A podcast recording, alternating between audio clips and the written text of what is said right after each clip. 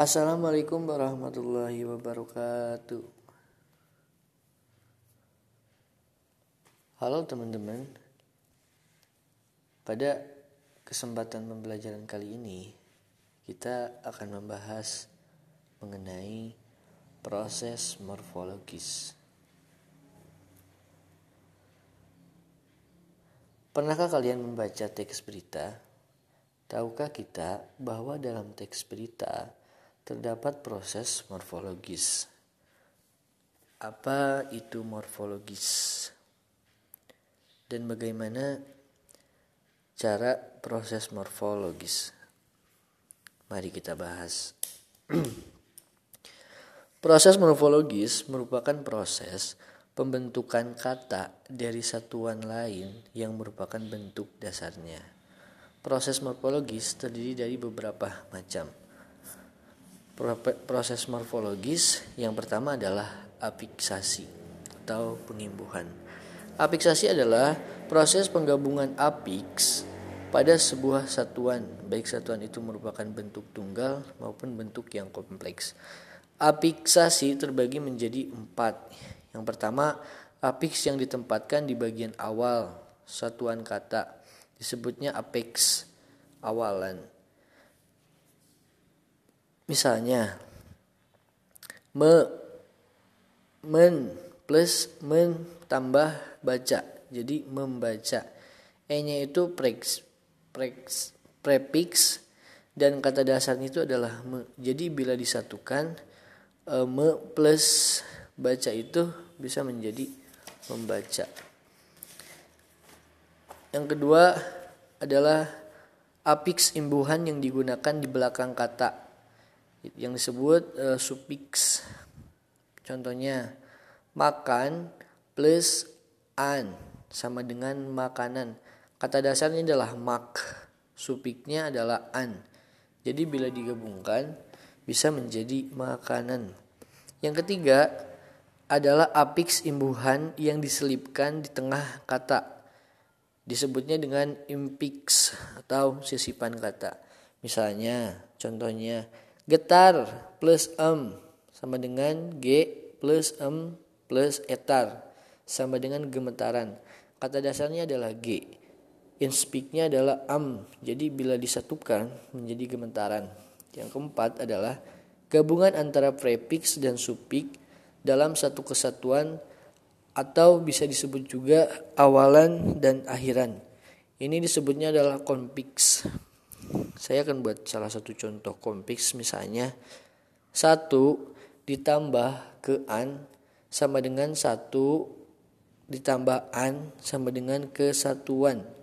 Satunya itu adalah kata dasar, konspiknya itu adalah an. Jadi bila disatukan, konspiknya itu dengan kata dasar bisa menjadi kata kesatuan. Yang selanjutnya, jenis morfologis yang kedua adalah reduplikasi atau kata ulang. Kata yang mengalami proses pengulangan kata, baik bagian maupun seluruhnya. Nah, afiksasi ini dibagi beberapa macam. Ada afiksasi kata ulang penuh, ada afiksasi kata ulang sebagian, ada kata ulang kata perubahan bunyi dan kata ulang berimbuhan. Mari kita bahas kata ulang penuh. Kata ulang penuh adalah kata yang ulang mengulang seluruh bagian kata-katanya. Pada kata dasar seperti orang kata dasarnya. Terus kita pakai imbuhan yang katanya itu berulang jadi orang-orang. Diulang, diulang seluruh bagian katanya bisa menjadi orang-orang. Atau contoh lain yaitu jalan. Kata dasarnya itu adalah jalan. Diulang seluruh katanya menjadi jalan-jalan. Selanjutnya adalah kata sebagian. Kata kata kata sebagian yang mengulang bagian katanya. Misalnya kata dasarnya laki.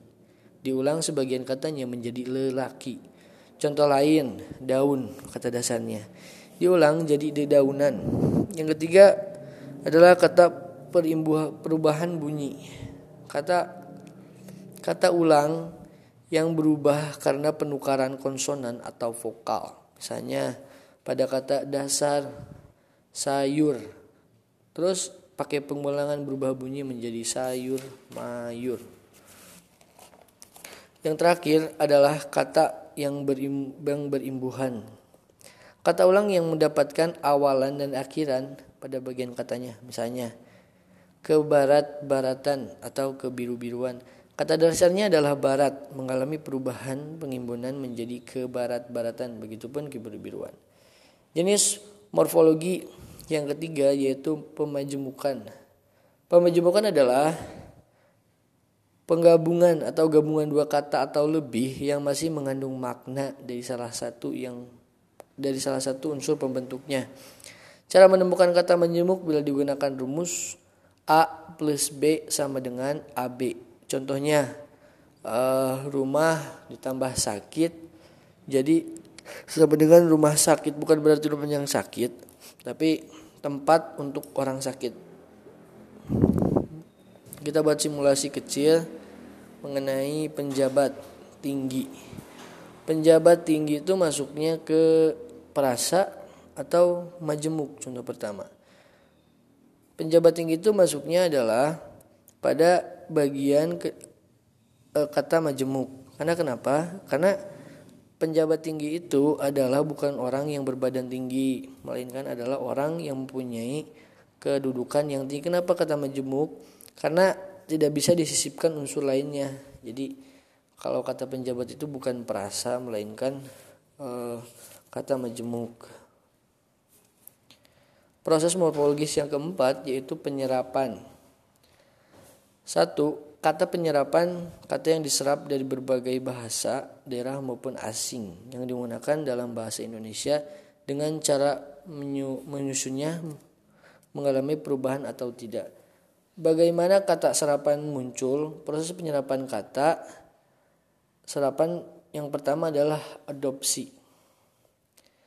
Kata adopsi terjadi bila pemakaian bahasa mengalami bentuk, makna, atau kata asing itu secara keseluruhan.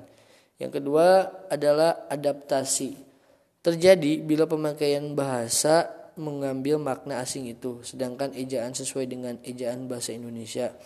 Contoh dari adopsi adalah supermarket, mall, dan modern. Mungkin itu yang dapat saya sampaikan. Kurang dan lebihnya uh, saya masih dalam proses pembelajaran. Terima kasih, semoga bisa bermanfaat.